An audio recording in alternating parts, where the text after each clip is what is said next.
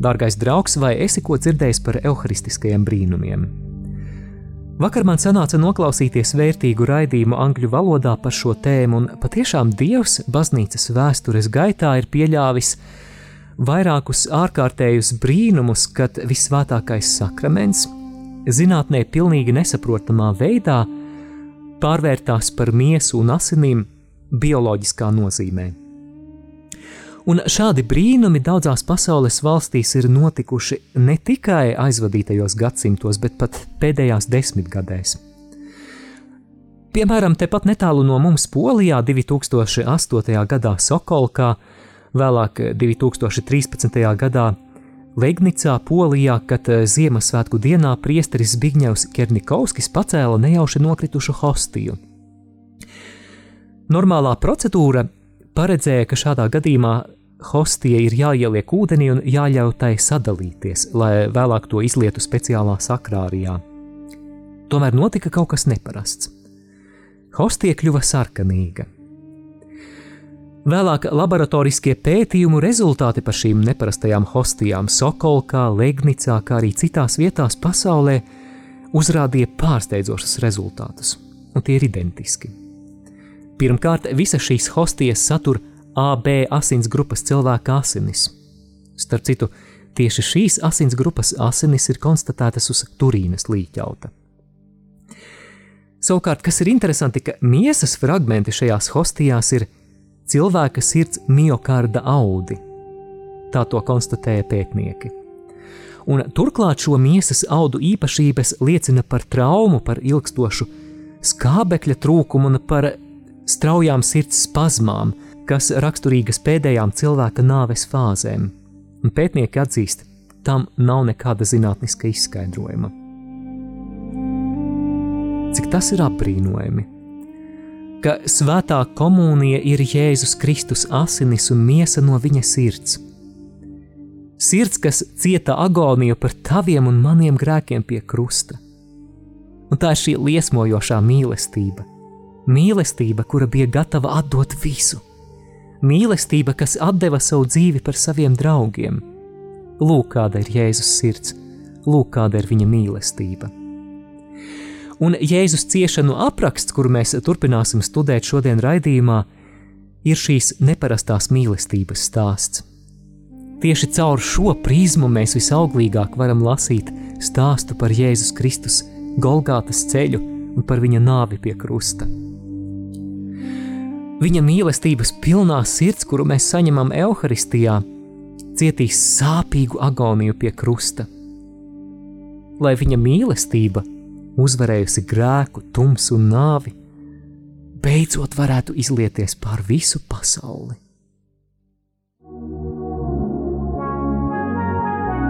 Randiņš ar Bībeli Studijā Māris Veliks.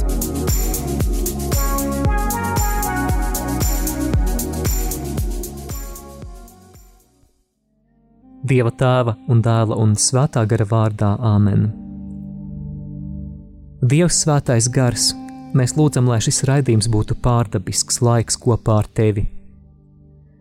Mēs lūdzam, lai Jēzus ciešanu apraksta lasīšana Mateja evaņģēlijā palīdz mums apbrīnot viņa bezgalīgo mīlestību, kas iet līdz galam. Ļauj ikvienam klausītājam šī raidījuma laikā piedzīvot to, cik bezgalīgi viņi ir mīlēti. To mēs lūdzam Jēzus Kristus vārdā Āmen. Svētais Matei lūdz par mums, Dieva tēva un dēla un svētā gara vārdā Āmen. Darbie draugi, jau iepriekšējā raidījumā mēs runājām, ka Jēzus ciešanu apraksts ir lielas mīlestības stāsts. Mēs apstājāmies naktī uz lielo piekdienu, kad pie augstā priestera Kajafas bija sapulcējusies augstākā garīdzniecība, un viņi meklēja liecību pret Jēzu. Visbeidzot, augstais priesteris jautā tieši un konkrēti, vai tu esi Kristus? Jēzus atbild apstiprinoši. Viņš citē Daniela grāmatas septīto nodaļu, vīziju par cilvēka dēlu, kurš nāk pa padebešiem un kuram tiek dota vara pār visām tautām, viņš to nepārprotami attiecina uz sevi. Klātesošajam ar to ir gana, lai Jēzum pasludinātu nāves spriedumu. Notikumi turpinās 27. nodaļā, ko mēs šodien lasām. Mateja evaņģēlija 27. nodaļa, sākam ar 1 un 2 pantu. Bet rītā grumā visi augstie priesteri un ļaužu vecēji pieņēma lēmumu par Jēzu, viņu nonāvēt. Un tie saistīja viņu aizveda un nodeva to zemes pārvaldniekam Pilātam. Mazliet vēsturiskais konteksts. Atcerēsimies, ka Palestīna šajā laikā bija daļa no Romas impērijas. Un saskaņā ar tā laika likumdošanu piespriest kādam nāves sodu tā bija tikai un vienīgi Romas varas iestāžu privilēģija.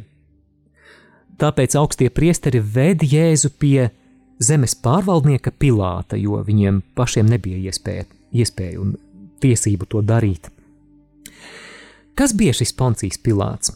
Tas bija Romas impērijas pārvaldnieks teritorijā, kas aptvēra Jūdeju, Idumeju, jeb Edomu un Samariju, laika posmā no 26. līdz 36.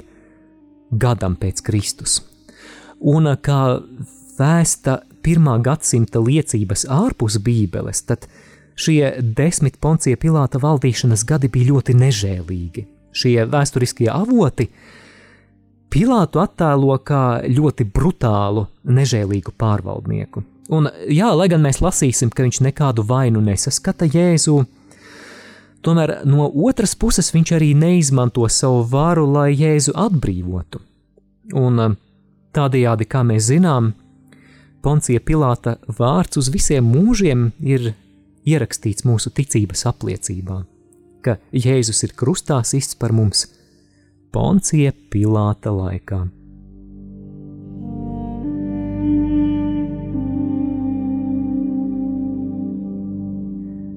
Nākamajos pantos mūsu skatiens tiek pievērsts jūdam. Tad jūda viņa nodevējs redzēdams, ka viņš pazudināts, nožēloja to atnesa atpakaļ 30 sudraba gabalus augstajiem priesteriem un vecajiem un sacīja: Es esmu grēkojis, nododams nenoziedzīgas asinis. Bet tie sacīja: Kas mums par daļu? Raugi tu pats! Apostolis Jūda nožēlo, ka ir nodevis Jēzu. Jau pat viņam šķiet, ka viss ir aizgājis pārāk tālu. Tagad viņš nāk atpakaļ pie augstajiem priesteriem ar 30 sudraba gabaliem, ko viņš saņēma par savu nodevību, un mēģina kaut kā situāciju vērst par labu. Tomēr augstie priesteri izturas noraidoši. Kas mums par daļu? Tā vairs nav mūsu problēma. Un viņš nomet sudraba gabalus templī.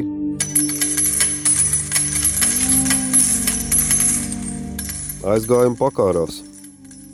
Nabaga jūda Viņa izmisums ir tik liels un dziļš, ka viņš izvēlas sev atņemt dzīvību. Tā ir ļoti liela traģēdija. Mācība, ko mēs šeit varam iegūt, ir šī, ka Dievs aicina mūs nevien lai nožēlojam savus grēkus, bet lai arī ticam viņa žēlsirdībai. Tātad ne tikai nožēlot grēkus, bet arī ticēt tam, ka Dievs ir bezgalīgi žēlsirdīgs, ka Viņš var piedot pat vislielāko grēku, Pretējā gadījumā, ja nav cerības uz atdošanu, grēku apraudāšana var ievest pamatīgā strupceļā, un tāds ir jūdas gadījums. Bet augstie priesteri paņēma sudraba gabalus un sacīja: Nepieklājās tos likt dievu šķirstā, jo tā ir asins nauda. Bet viņi nolēma pirkt par tiem podnieka tīrumu, svešiniekiem par kapsētu. Tāpēc šis tīrums ir nosaukts par asins tīrumu līdz šai dienai. Ak, kāda reliģioza liekulība! Viņi tik skrupulozi ievēro rituālos priekšrakstus, viņi ir tik pēdiņās dievbijīgi. Rešo naudu nedrīkstot likt Jeruzalemes tempļa ziedojumu lādē, jo tā ir asins nauda, proti par to ir pasūtīta slepkavība. Mēs jau iepriekš Mateja evaņģēlijā redzējām, cik sīkumaini farizēji mēģina izpildīt sīkus priekšrakstus roku mazgāšana, sabata ievērošana līdz galējībām, desmitās tiesas došana no dillēm un mētrām, un tajā pašā laikā viņiem nav problēmu nogalināt nevainīgu cilvēku. Bet varbūt tas ir stāsts arī par mums. kristiešiem 21. gadsimtā? Kā ir ar mums? Varbūt arī mēs skrupulozi ievērojam gaļas gavēni piekdienās. Varbūt mēs katru svētdienu ejam uz baznīcu, bet sirds varbūt ir pilna ar ienaidu pret savu tuvāko. Mēs ienīstam savu kaimiņu, viņš ir preteklis, viņš ir riebeklis, eh, kā es viņu ienīstu. Varbūt mēs dievbijīgi katru dienu lūdzamies rožu kroni, bet pēc tam ar savu aso mēli esam gatavi kādu iznīcināt, sabojāt kādam reputāciju.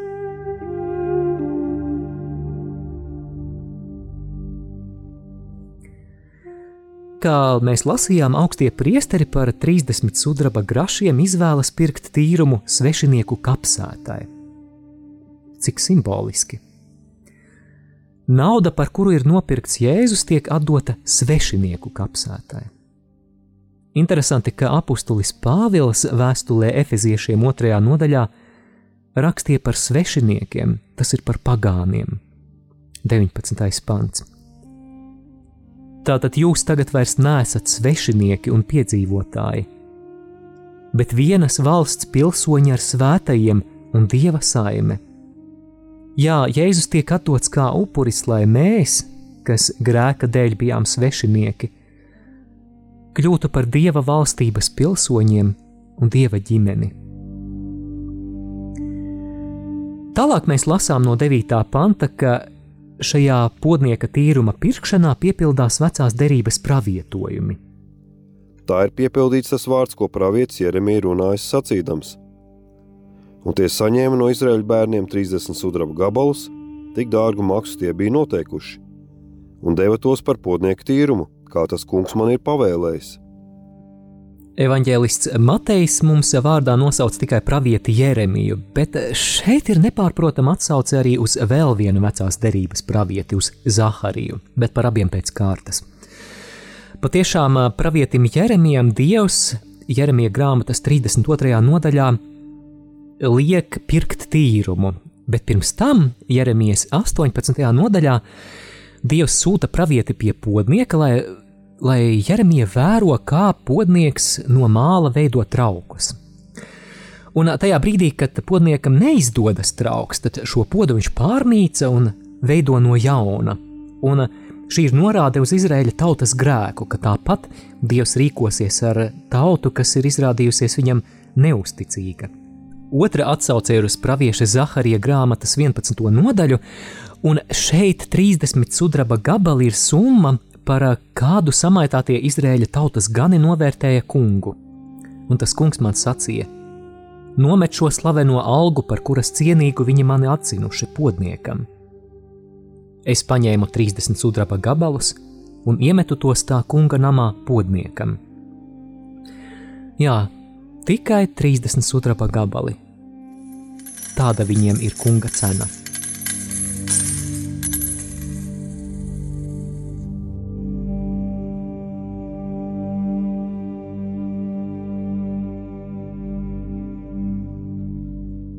Nākamajā ainā mūsu skatiens atkal tiek pievērsts Jēzum Pilāta priekšā. Bet Jēzu veda zemes pārvaldnieka priekšā, un pārvaldnieks viņam jautāja, vai tu esi jūdu ķēniņš? Bet Jēzus sacīja uz viņu, tu to saki. Vai tu esi jūdu ķēniņš? jautā Pilāts. Acīm redzot, tieši šādu apsūdzību jūdu reliģiskā elite bija izvirzījusi Pilāta priekšā pret Jēzu. Jo, ja viņi būtu teikuši, Jēzus sevi ir pasludinājis par Kristu, par Mesiju, par Dieva svaidīto, Pilāts visdrīzāk noraidītu viņu apsūdzību. Pilāts teiktu, tas ir reliģisks jautājums, ejiet un izvērtējiet to paši savā starpā. Savukārt Romas varas iestāžu priekšā pavisam cits svars ir apsūdzībai, ka Jēzus sevi pasludina par jūdu ķēniņu. Kāpēc? Viens no galvenajiem Poncija Pilāta, kā Romas pārvaldnieka uzdevumiem, ir gādāt par to, lai viņa pārvaldītajā teritorijā neizceļas sacelšanās pret Romas varu. Ja Jēzus patiešām pretendētu uz jūdu ķēniņa troni, tas nozīmētu, ka Jēzus met izaicinājumu gan Romas imperatoram, gan Romas valdīšanai šajā teritorijā, un tā būtu patiešām nozīmīga apsūdzība. Jēzus atbild: Tu to saki. Šī ir apstiprinoša atbilde. Tomēr mēs zinām, ka Jēzus šeit runā nevis par politisku varu, bet par pavisam cita veida autoritāti. Evanģēlists Jānis 18. nodaļā no 36. panta min šādus Jēzus vārdus viņa dialogā ar Ponciju Pilātu: Mana valstība nav no šīs pasaules. Ja mana valstība būtu no šīs pasaules, mani kalpi būtu cīnījušies, lai es netiktu jūdiem nodots, bet mana valstība nav no šejienes. Un, kad augstie priesteri un vecēji viņu apsūdzēja, viņš neatbildēja nenieka. Tad Pilārs saka uz viņu: Vai tu nedzirdi, cik smagi tie liecina par tevi? Un viņš tam neatbildēja neviena paša vārda, tā kā pārvaldnieks ļoti brīnījās. Jēzus atbilde uz apsūdzībām ir klusums. Atcerēsimies vārdus no Jēzus dziedājuma par cietēju kalpu. Jēzus 53,7. Kad viņš tika sodīts un spīdzināts, viņš padevās un neadarīja savu muti kā jērs, ko ved nokaušanai, un kā avs, kas paliek klusa savu cirtēju priekšā. Tā viņš apklusa un neadarīja savu muti bet svētkos zemes pārvaldnieks mēdz atlaist tautai vienu cietumnieku, kuru tā vēlējās. Un tajā laikā bija viens sevišķi bīstams cietumnieks vārdā Baraba. Pārvaldnieks lielajos svētkos mēdza atlaist jūdiem vienu no cietumniekiem, kuru viņi gribēja, acīm redzot, lai izpatiktu jūdu tautai. Un te mēs uzzinājām par vēl kādu apsūdzēto vārdā Baraba, kurš visdrīzāk bija revolucionārs, jūdu radikālis, kurš, pretojoties Romas varai, bija izdarījis smagus noziegumus. Un tad nu Pilārs ļaudīm liek izvēlēties starp diviem variantiem, kuru viņi gribētu atlaist - Jēzu vai Barabu. Un, kad tie bija sapulcējušies, Pilārs sacīja uz tiem: Kur jūs gribat, lai es jums atlaižu? Vai Barabu vai Jēzu, kuru sauc par Kristu? Jo viņš zināja, ka tie to bija nodevušais skaudības Interesanta norāde 18. pantā. Viņš zināja, ka tie to bija nodevuši aiz skaudības. Jā, patiešām Jēzus popularitāte, Jēzus autoritāte tautā meta pamatīgu ēnu uz jūdu reliģiskajām autoritātēm. Viņi bija skaudības pārņemti. Bet nākamajā pantā ļoti interesanta detaļa, kas parādās tikai evaņģēlista Mateja Jēzus ciešanu aprakstā bet viņam sēžot uz soļa krēsla, viņa sieva sūtīja pie tā un lika sacīt: Liec mierā šo taisno, jo es šonakt sapnī daudz cietu viņa dēļ. Dievs var runāt caur sapņiem. Mateja evanģēlijas sākumā mēs lasījām, kā Dievs vairāk kārt runā caur sapņiem uz Svēto Jāzepu. Tagad Dievs caur sapni runā uz šo pagānu sievieti, Poncija Pilāta sievu. Un kāds kontrasts? jūdu augstie priesteri un rakstu zinātāji nav sapratuši, kas ir Jēzus. Daudz tuvāk patiesībā izrādās šī pagānu sieviete. Daudz tuvāk nekā tie, kam bija uzticēts amats sludināt patiesību. Bet augstie priesteri un vecāki pierunāja ļaudis, ka tie izlūgtos barabu, bet jēzu nokautu.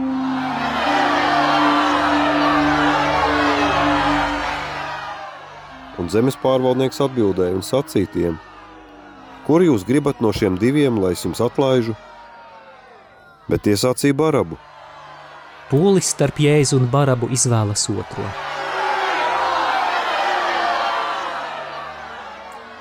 Interesanta vārdu spēle. Vai zini, ko baraba nozīmē no ebreju valodas? Bar, abba. Tēva dēls. Mēs zinām, ka arī Jēzus evanģēlijā ir parādīts kā debesu tēva dēls. Tad nu jautājums, kuru no tēva dēliem pūlis izvēlēsies? Viņi izvēlās barabu. Tad Pilārs saka tiem, ko tad lai es daru ar Jēzu, kur sauc par Kristu? Viņi visi saka, sist viņu krustā.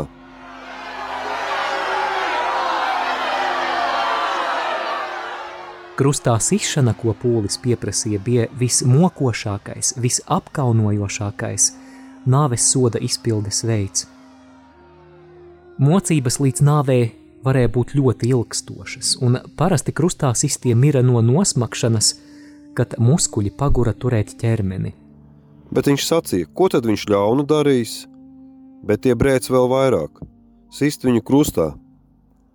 Bet, kad Pilārs redzēja, ka viņš nekā nevar izdarīt, bet troksnis kļuva vēl lielāks, tad viņš ņēma ūdeni un mazgāja rokas ļaužu priekšā, sacīdams: Es esmu nevainīgs pie šī taisnā asinīm, raugat jūs paši! Un visi ļaudis atbildēja un sacīja: Viņa asins lai nāk pār mums un mūsu bērniem. Pilāta rokās bija nepārprotama vara atlaist Jēzu, ja jau viņš nekādu vainu Jēzu nesaskata. Tomēr viņš pakļāvās pūļa prasībām. Bet tā kā viņš pats Jēzu neatrod vainu, viņš simboliski mazgā rokas, kā zīmi, ka viņš nav vainīgs. Tā ir jūsu problēma, ne mana. Ļaudis pārgalvīgi atbild viņa asinis, lai nāk pār mums un mūsu bērniem. Viņi tādējādi nevien uzņemās atbildību, bet pat piesauc pār sevi lāstu. Un mēs zinām no vēstures, ka sots nāk pār Jeruzalemi 70. gadā pēc Kristus, kad Jeruzaleme tiek pilnībā nopostīta, kad romieši Jeruzalemes templi visvētāko vietu pilnībā iznīcina, ka piepildās Jēzus pravietojums, ka tur akmens uz akmens nepaliks. Tad viņš tiem atlaida barabu, bet Jēzu šauta un nodeva, lai viņu sistu krustā. Tad zemes pārvaldnieka karavīri ņēma Jēzu, bet to pārvaldnieka pilī un sasauca ap viņu visu pulku, un tie novilka viņam drēbes un apvilka viņam purpuru mēteli. Tie nopina ērkšķu kroni un lika viņam to galvā, un deva viņam niedri labajā rokā un locīja ceļus viņa priekšā, viņu apsmiedami un sacīja: Sveiks, jūdu ķēniņ! Un tie spļāva viņam virsū, ņēma niedri un cita viņam pa galvu. Un, kad tie bija viņu apsmējuši, tad tie novilka viņam mēteli un apvilka tam viņa paša drēbes. Tad tie Jēzu aizveda, lai viņu sistu krustā.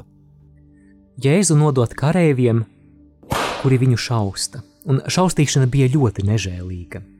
Parasti tajā laikā šaustīja ar pletnēm, kur ādas siksnu galā ir kaula vai cita materiāla asumi vai kaut kas līdzīgs āķiem, kuri losīja miesu. Šīs šaustīšanas būtība bija pātrināt krustā sitamā nāvi, jo krustā sistie mokoši mēdza mirt pat vairākas dienas pie krusta. Un tas, ka Jēzus, kā mēs redzēsim, pie krusta mirs tikai dažās stundās, parāda, ka šī bija ļoti brutāla šaustīšana.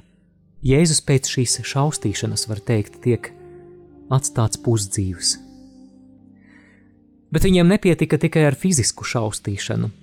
Viņi Jēzu arī pazemo morāli, tā ir morāla šaustīšana. Viņi ņirgājas, Tomēr, lai arī Jēzus izskatās kā zaudētājs, šī ņirgāšanās netieši norāda uz to, kas viņš patiesībā ir. Viņš patiešām ir kungu kungs un ķēniņu ķēniņš. Šis purpura apmetnis atgādina karaliskās drānas, ērkšķu kronis atgādina debesu karalisko diadēmu, jeb karaļa kroni, niedre valdnieka scepteri. Jēzus ir kungu kungs un ķēniņu ķēniņš. Viņš ir pelnījis, lai mēs viņu kronējam ar pateicību, pielūgsmi, slavēšanu, kalpošanu bijībā un pazemībā un mīlestībā.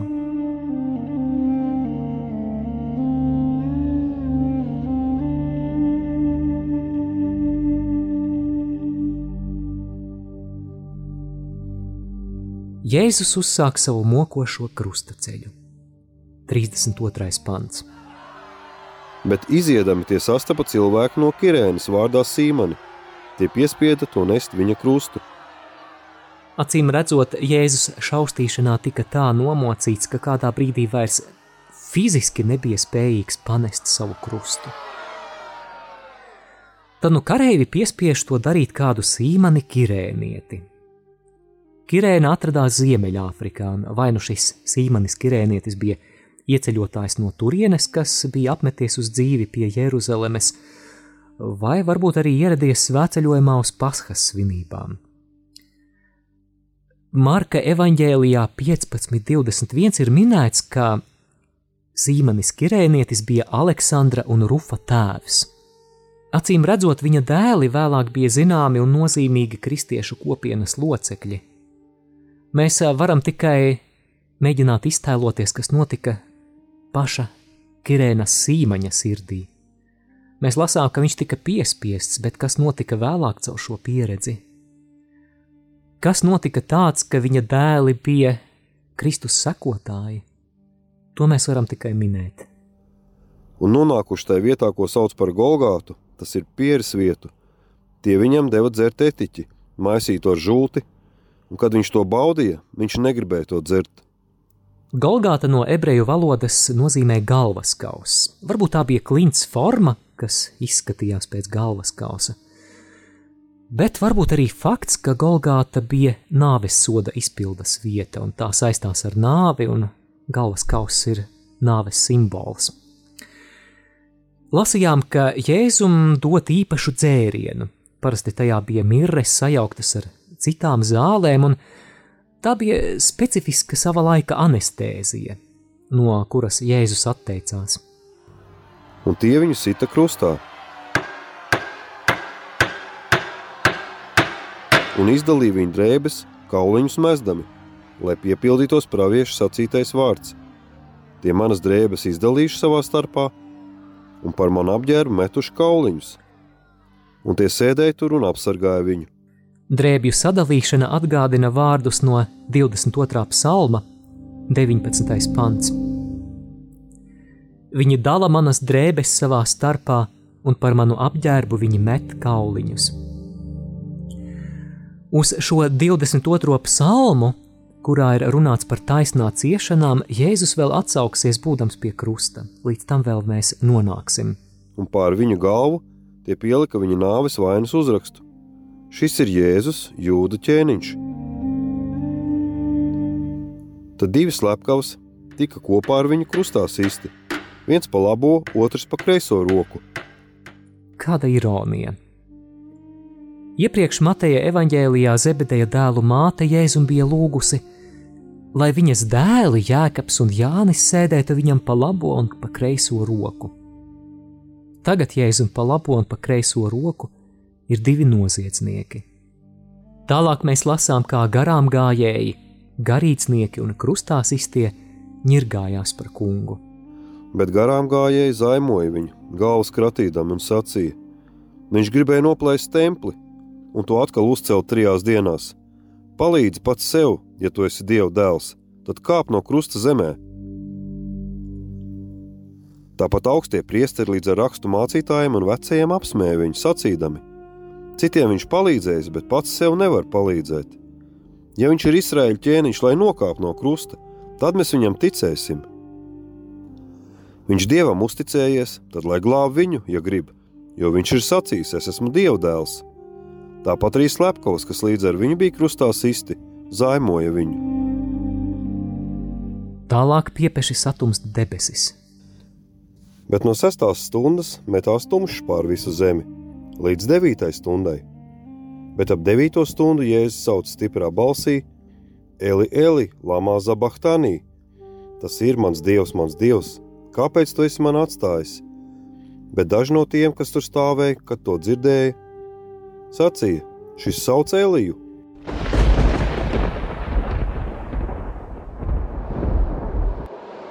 Debesis satumst. Reiz vecās derības pravietis Amos rakstīja, un notiks tanī dienā, saka Dievs, tas kungs. Es likšu saulē norietēt jau pusdienas laikā, un likšu tumsai nākt pār zemi, visgaišākā dienas stundā.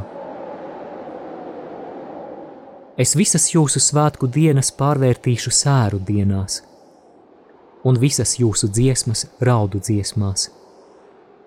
Es ietērpšu jūsu gurnus maisu drānās, es likšu mesties jūsu galvām plikām, es likšu jums visiem pārdzīvot sēras, kādas izjūta cilvēks sava vienīgā dēla nāves dēļ. Un visu šo lietu gals būs rūkta nelaimes diena. Amosa grāmata, 8. nodaļa, no 9. līdz 10. pantam. Amos šeit pravieto, ka nāks kunga diena, kad tiks tiesāti dieva ienaidnieki, un to pavadīs šis neparastais aptumsums. Jēzus, būdams pie krusta, aramiešu valodā citē 22. psalmu: Mans dievs, mans dievs, kāpēc tu esi mani atstājis? Āramiski šie vārdi Elī, Elī skan līdzīgi Elijam, un tāpēc arī klātesošie domā, ka viņš sauc Eliju. Bet ko tad īsti nozīmē šie vārdi? Mans dievs, mans dievs, kāpēc tu esi mani atstājis? Jēzus pie krusta piedzīvo to nošķirtību no tēva, kādu esam pelnījuši mēs ar tevi grēka dēļ. Jēzus sajūtas tēva atstāts. Viņš piedzīvo šo dziļo, dziļo bezdibeni starp sevi un tēvu. Tas ir grēka bezdibenis.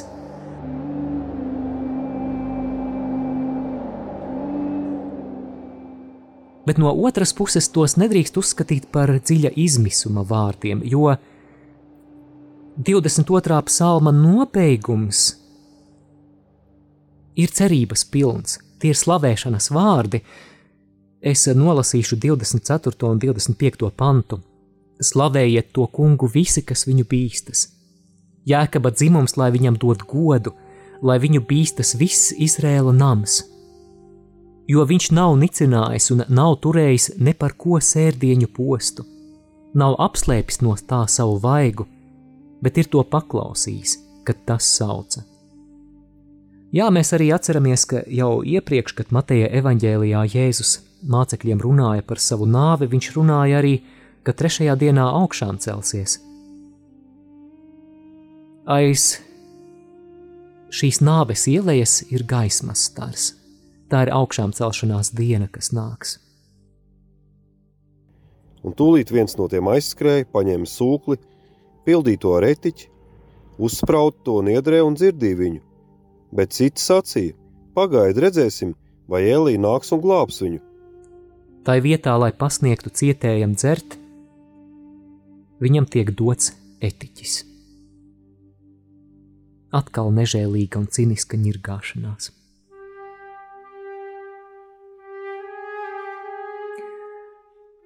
Atgriezīsimies pēc nelielas mūzikas pauzes un turpināsim lasīt Mateja evaņģēlija Jēzus ciešanu aprakstu 27. nodaļā.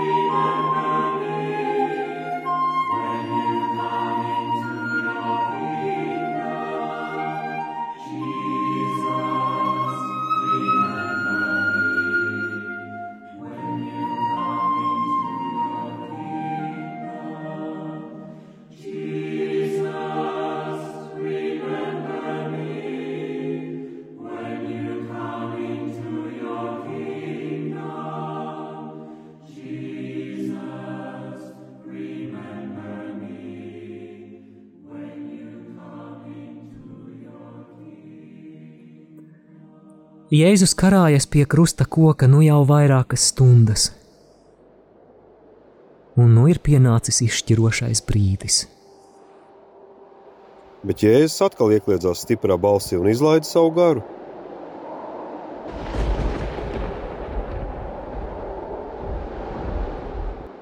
Jēzus mirst mūsu dēļ. Dieva jēra misija nu ir piepildīta. Un redzi, tempļa priekškars pārplīs un augšs līdz apakšai divos gabalos, un zeme trīcēja un klintis šķēlās. Un kāpj atdarījās, un daudz svēto miesas, kas dusēja, cēlās augšām. Un tie izgāja no kapiem pēc viņa augšām celšanās, nāca svētajā pilsētā un parādījās daudziem. Jēzus nāvi pavada tempļa priekškara saplīšana. Priekškars Jeruzalemes templī nošķīra visvētāko vietu, un uh, tas simbolizēja dieva ārkārtējo svētumu, kuram grēcinieki pat nedrīkst tuvoties. Tagad Jēzus ir miris par pasaules grēkiem, kā izpirkuma upuris. Un tagad caur Jēzus nāvi grēciniekiem tiks dāvāta atdošana, un priekškars uz debesīm pie svētā dieva ir atvērts ikvienam. Starp citu, vēstules ebrejiem autors to komentē tā, ka Jēzus pirms mums ir iegājis aiz priekškara, tālāk es citēju, kā ceļvedis, kļūdams uz mūžiem par augsto priesteri pēc Melhizedeka kārtas. Ebrejiem 6. nodaļa no 19. līdz 20. pantam.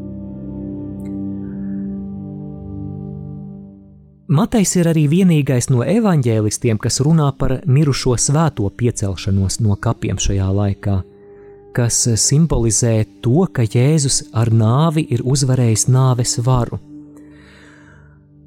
Savukārt jau pati dabas pārvēršanās, šis aptumsums, tas, ko klātesošie piedzīvo, ir kaut kas tik iespaidīgs, ka pat romiešu kareivi ir satriekti.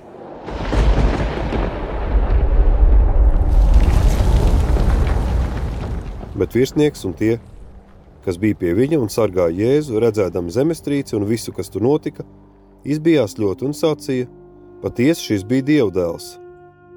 Cik skaista ir sieviešu uzticība Jēzum.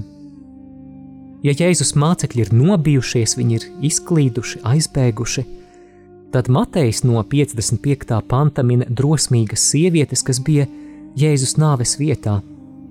Bet tur bija daudz sievu, kas no Galilejas bija sekojuši Jēzum un viņam kalpojuši. Tas skatījās no tālienes.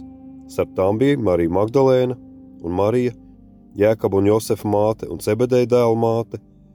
Bet vakarā nāca kāds bagāts cilvēks no Arimatīs, vārdā Jāzeps, kas arī bija kļuvis par Jēzus mācekli. Šis nogāja pie Pilāta un izlūdzās Jēzus miesas.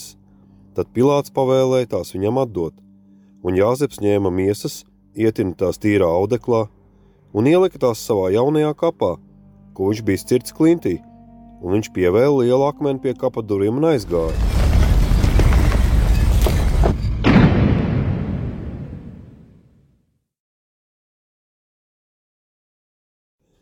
Bet tur bija Marija Magdalēna un otra Marija. Viņas sēdēja pretī kapam. Kāds bagātnieks Jāzeps no Arimatējas Nevien atvēla Jēzus miesām viņam piederošo kapu, bet pat uzdrošinās iet pie Pilāta un lūgt atļauju paņemt Jēzus mirstīgās atliekas, un viņš saņem šo atļauju. Jēzus tiek guldīts kapā.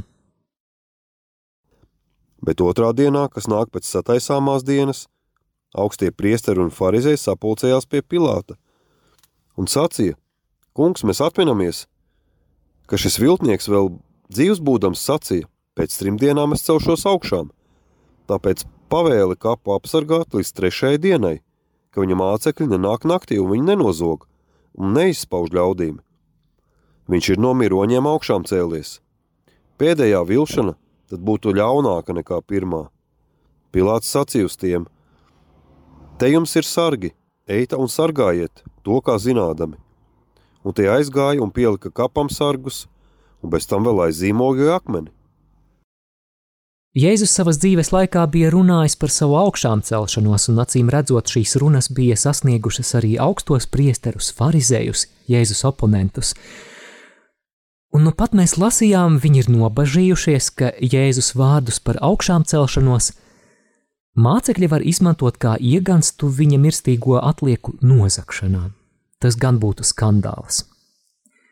Lai tas nenotiktu ar Pilāta ziņu, kapa akmens tiek aizīmogots un kapam tiek pielikti sargi. Un tomēr mēs zinām, ka nec sargi, nec zīmoks uz kapa akmens nespēs apturēt to, kam jānotiek jau pēc trim dienām. Jēzus augšām celsies, viņš šeit nepaliks.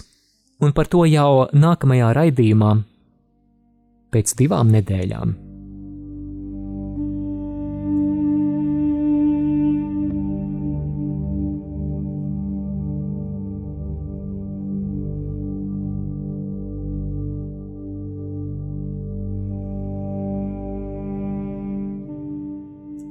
1941. gada jūlija beigās no Aušvicas nometnes aizbēga kāds ieslodzītais.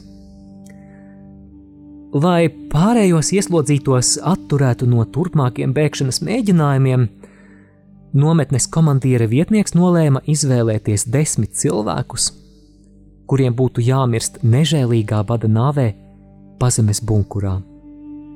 Brīdinājums visiem pārējiem tika nosaukts arī Francišeka Gajovņičeka vārds. Kad šim vīrietim bija jāiziet priekšā, viņš izmisumā iesaucās: Mana sieva, mani bērni! Piepeši notika kaut kas tāds, ko neviens negaidīja. Pēkšņi kāds cits ieslodzītājs iesaucās: Es vēlos iet viņa vietā. Viņam ir sieva un ģimene, es esmu viens. Es esmu katoļu priesteris. Šis priesteris bija Maksimiliāns Kolbe. Kopā ar citiem deviņiem Kolbe tika ieslēgts pazemes bunkurā. Pēc tam, kad viņi bija divas nedēļas badā un bez ūdens, dzīvi palika tikai četri, tā skaitā Kolbe. Tā kā apsargi vēlējās, lai bunkurs tiek ātrāk iztukšots, tad četriem atlikušajiem tika injicēta nāvējoša indes deva. Priesteris Kolbe esot pacēlis kreiso roku un mierīgi gaidījis nāvējošo injekciju. Viņš mira 1941. gada 14. augustā, un viņa mirstīgās atliekas tika kremētas turpat Aušvicas nometnē 15. augustā Marijas debesīs uzņemšanas svētkos. Svētais priesteris bija upurējis savu dzīvību cita cilvēka un viņa ģimenes dēļ. Jēzus līdzīgi ir upurējis savu dzīvību tevis dēļ, brāli, tevis dēļ, māsa. Viņš saņēma to, kas grēka dēļ pienāktos tev un man. Viņš iet tavā un manā vietā, lai mēs varētu būt brīvi no mūžīgās nāves, no grēka lāsta. Viņš iet tavā vietā, lai tu varētu saņemt pilnīgu atdošanu un mūžīgo dzīvi. Viņš iet tavā vietā, lai tu varētu nākt atpakaļ tēva mājās, kur viņš tevi sagaidīs ar mīlestību atplestām rokām Lūk, kāda ir dieva beznosacījuma mīlestība. Paskaties uz Jēzus krustu un ieraugi, cik ļoti esi mīlēts. Lūdzies kopā ar mani, Kungs, Jēzu. Es tev pateicos, ka tu paņēmi uz sevis visus manus grēkus, visu sodu, kas pienāktos manai Jēzu, es pateicos, ka tu pie krusta piedzīvoji to atšķirību no tēva, kam vajadzētu būt manam liktenim. Paldies tev, ka tu to visu pieņēmi un piedzīvoji, lai es no tā būtu brīvs. Es ticu, ka tu miri manu grēku dēļ, un trešajā dienā augšām cēlies. Jēzu, es tev uzticos. Jēzu, ar savu krusta nāvi tu esi pierādījis, ka tev var uzticēties. Tad nu es ielieku visu savu dzīvi, tās sākumu un nobeigumu, tavās svētajās rokās, visdrošākajās rokās. Dievs paņem manu dzīvi visu bez atlikuma, lai piederu tev. Kungs, es atzīstu, ka visi mani pūliņi atpestīt pašam sevi, izglābt sevi, ir bezjēdzīgi, veltīgi. Es tajos esmu piedzīvojis sakāvi.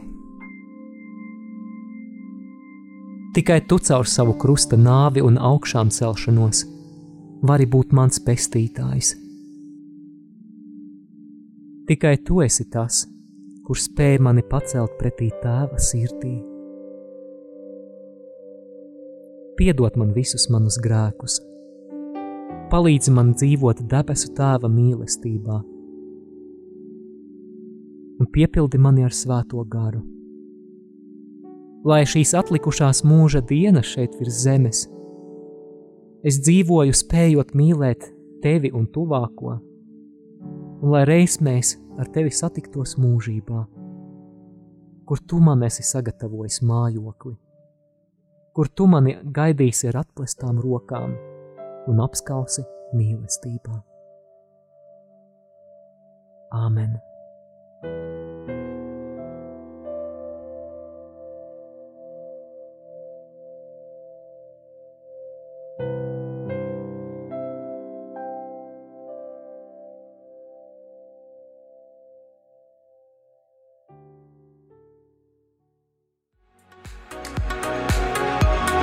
Jūs dzirdējāt raidījumu Randiņš ar Bībeli. Savas atsauksmes, ieteikumus un jautājumus sūtiet uz raidījuma e-pastu Randiņš ar Bībeli at gmail.com. Iepriekšējās raidījuma epizodes var atrast arhīvā.